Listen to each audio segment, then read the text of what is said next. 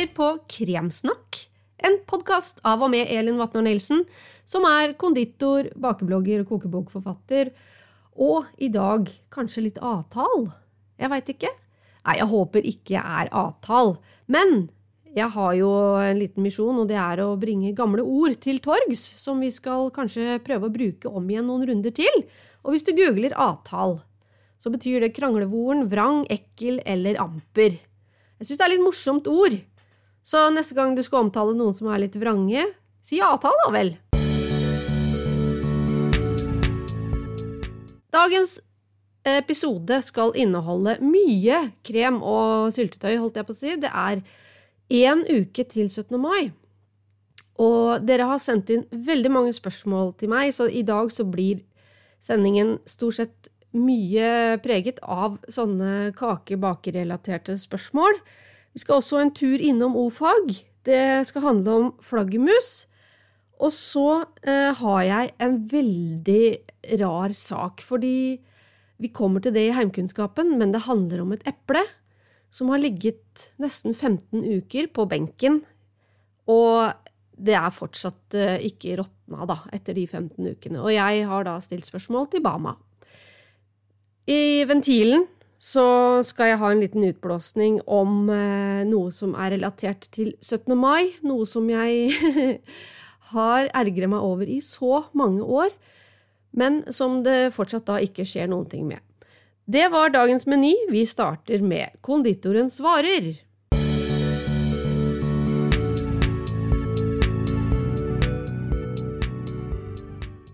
Det er som nevnt veldig kort tid igjen til 17. mai, og i forrige episode så snakka jeg litt om forskjellen på pavlova og marengsbunn. Og jeg fikk kanskje ikke helt fram den forskjellen, fordi når du skal lage en pavlova, så bruker du jo eddik og maisenna, og det er for å få en seig kjerne, en myk eh, Altså, den steiker kortere, og den blir myk inni. Mens en marengsbunn, den trenger du ikke verken maisenna eller eddik i.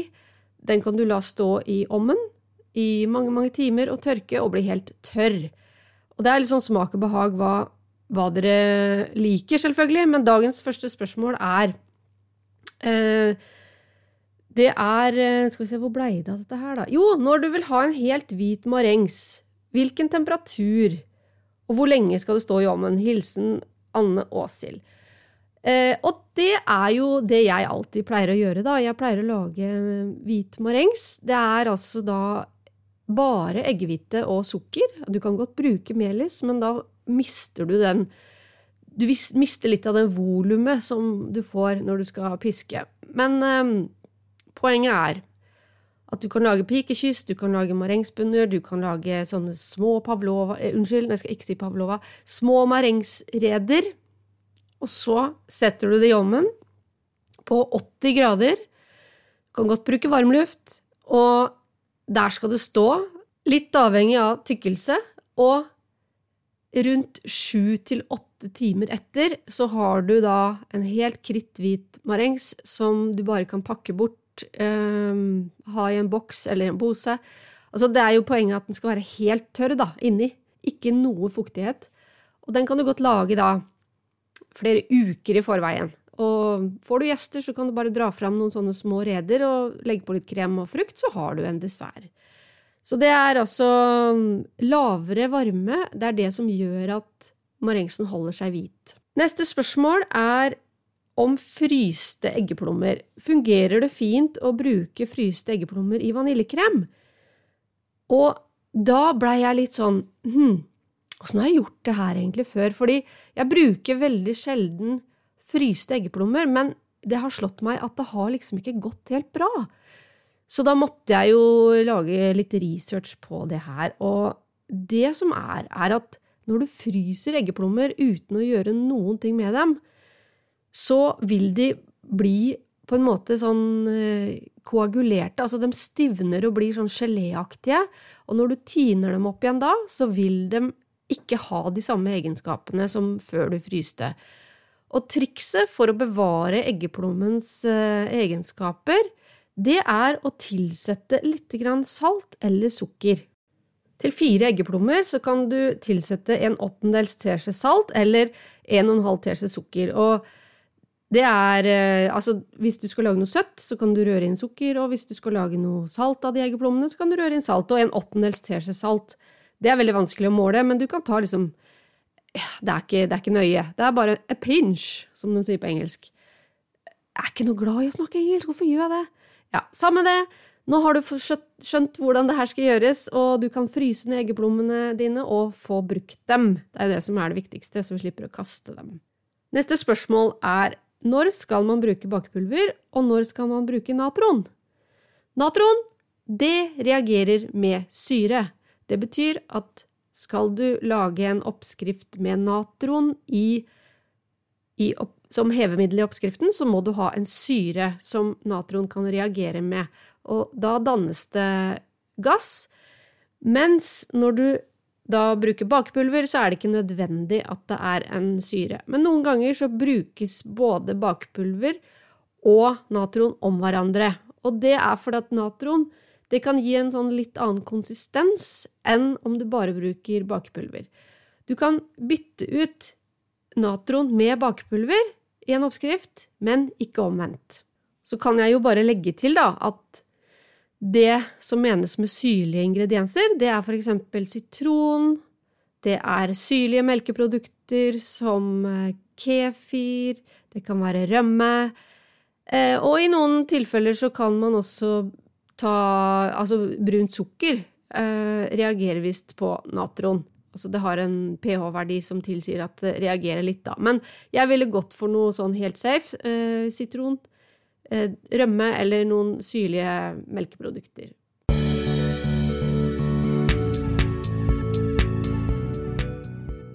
Neste spørsmål. Hvorfor tar det av og til lang tid å piske eggedosis, og av og til ikke? Jeg gjør det samme hver gang. Altså, det vil si at det er liksom den samme bollen, den samme pisken, eller håndmikseren.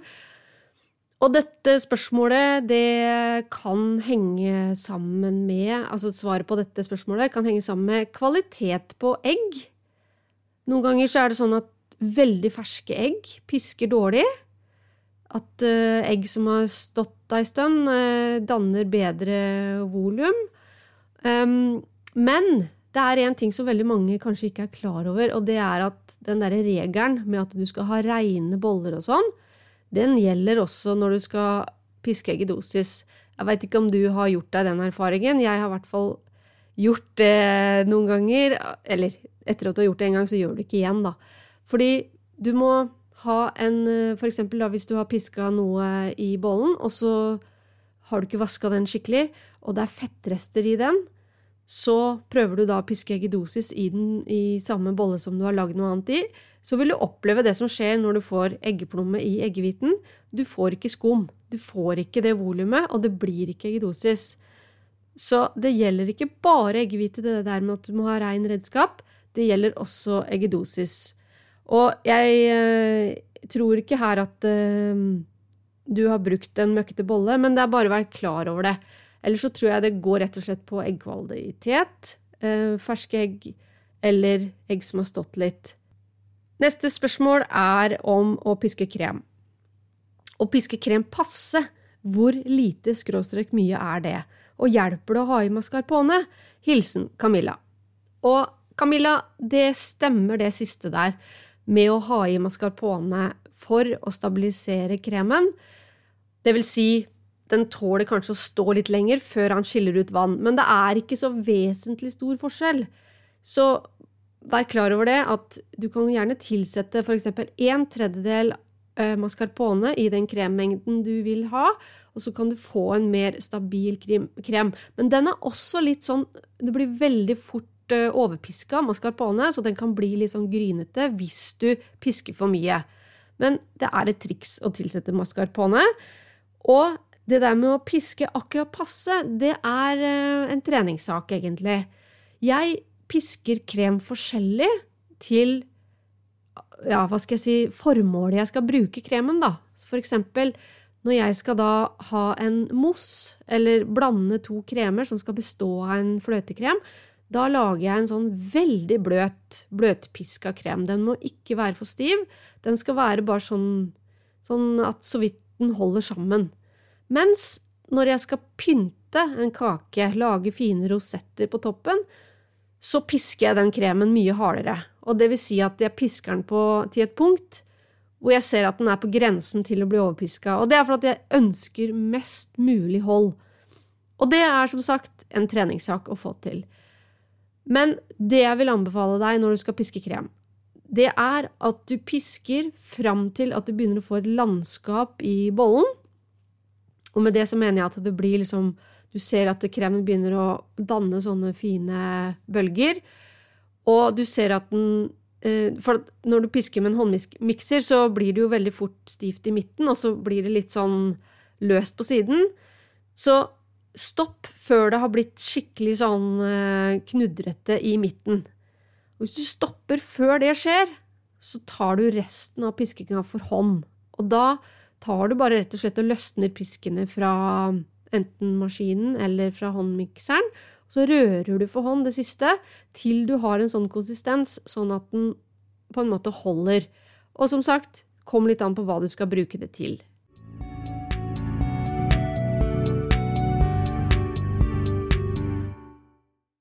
Skal vi hoppe til o-fag? I dag så fikk jeg da et spørsmål om flaggermus, og spørsmålet er hvordan kan man tilrettelegge for flaggermus? Vi vil ha flere rundt her, og de har blitt færre de siste årene. Og da googla jeg flaggermus Hva var det jeg googla egentlig? I hvert fall, jeg havna på en side fra Nibio, som er eh, Norges største forskningsinstitutt for der fant jeg en sak om hvordan vi kan eh, hjelpe til sånn at det blir flere flaggermus i Norge. For de har et forskningsprosjekt der. Og det de ønsker, det er at eh, vi skal lage flaggermuskasser. Og flaggermuskasser, det kan du faktisk få kjøpt på Jula. Og hvis du googler eh, tegning flaggermuskasse, så fins det massevis på nett. Men jeg kan jo fortelle deg hva som står her da, om det å lage en flaggermuskasse og hvordan de skal være. Så her står det slik gjør du. Ta gjerne noen kveldsturer for å se etter flaggermus i nærheten av der du vil henge opp kassa. Temperatur er viktig for flaggermus, og kassene må være malt svarte for å magasinere mest mulig varme gjennom dagen. Skal man henge opp kassen på en bygning, må man velge en vegg som har mye sollys. Velg en vegg mellom sørøst og sørvest, gjerne der det er kjent at det finnes flaggermus, enten i bygget eller i området rundt. Ja, det er, hele, det er ti punkt her da, om det der med å henge opp flaggermuskasse. Eh, så kan jeg si at det står her at det er observert 13 flaggermusarter i Norge, og noen av dem er så sjeldne at det er svært sannsynlig at vi treffer på dem i det hele tatt. Og andre er så vanlige at de lett kan observeres eh, dersom du er ute på rett tidspunkt. Og eh, jeg kan huske at eh, jeg så flaggermus eh, her omkring, men det er, liksom, det er liksom blitt noen år siden, så det var et veldig godt spørsmål. Fordi kanskje vi skal bare henge opp en flaggermuskasse, dere, alle sammen, så vi får opp den, den bestanden. For vi, som jeg nevnte i forrige ordfagstime, det, det tynnes ut i, av steder disse dyra i naturen kan være. Eh, jeg hadde dere jo med på en liten ekskursjon rundt tjernet mitt, og der er det nå massevis av hettemåker som har måttet flykte fordi det er en utbygger som har tetta igjen der hvor de pleide å være. Så ja, tusen takk for tips om flaggermuskasser. Tegninger ligger på nett, og det er bare å finne fram svartmålingen, og så henger vi dem opp.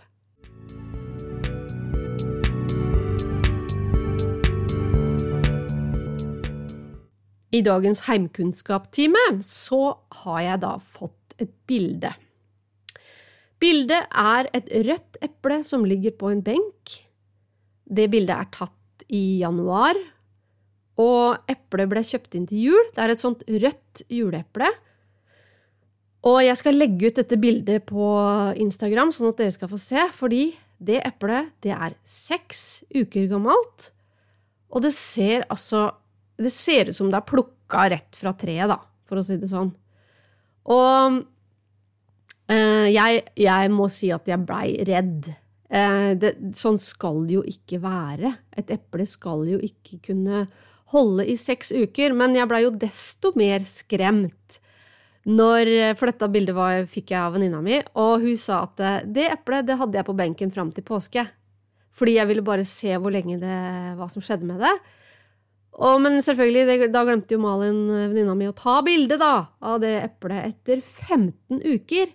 Men altså, det hadde noen små skrukker, og det var det. Det hadde liksom bare tørka lite grann inn. Eller så var det et eple eh, som du i hvert fall ikke skulle tro hadde ligget på benken i 15 uker. Men det bildet jeg skal legge ut, da, som dere skal se, eh, det er etter seks uker. Og det bildet sendte jeg til Bama. Fordi her er det noe som skurrer. Så jeg sendte bildet og skrev eh, sånn og sånn. Det har ligget der og der, det er på benken, og romtemperatur, og hvorfor går dette an? Bør jeg være redd? Bama så meldingen min, det klarte jeg å se, og jeg fikk ikke noe svar. Så jeg purra igjen. Har dere noen forklaring? Og de har fortsatt ikke svart. Så dette kan jo bli Kanskje vi skal bare ta en sånn føljetong, da. Eh, vi venter på Bama. Men klart, det er jo et eller annet som skurrer her. Det skal da ikke gå an. Jeg har jo kjøpt masse norske epler i høst, eh, som jeg har hatt i kjøleskapet i poser, og de har jo eh, råtna opp sånn Hvis det er ett råttent eple, ikke sant, så det, ja, det er, det er mest naturlige ting i verden, da, at epler råtner. Så hvorfor skjer ikke det med disse røde eplene, disse juleeplene? Det lurer jeg veldig på. Vi lar det henge i lufta til neste heimkunnskapstime, og så håper jeg Bama finner et svar til oss, da.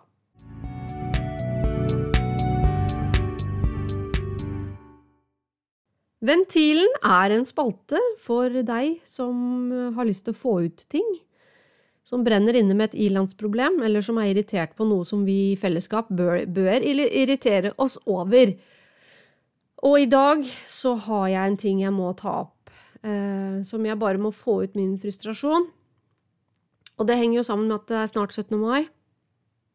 Fordi jeg er jo gammel speider, og jeg veit at man skal behandle det norske flagget med respekt.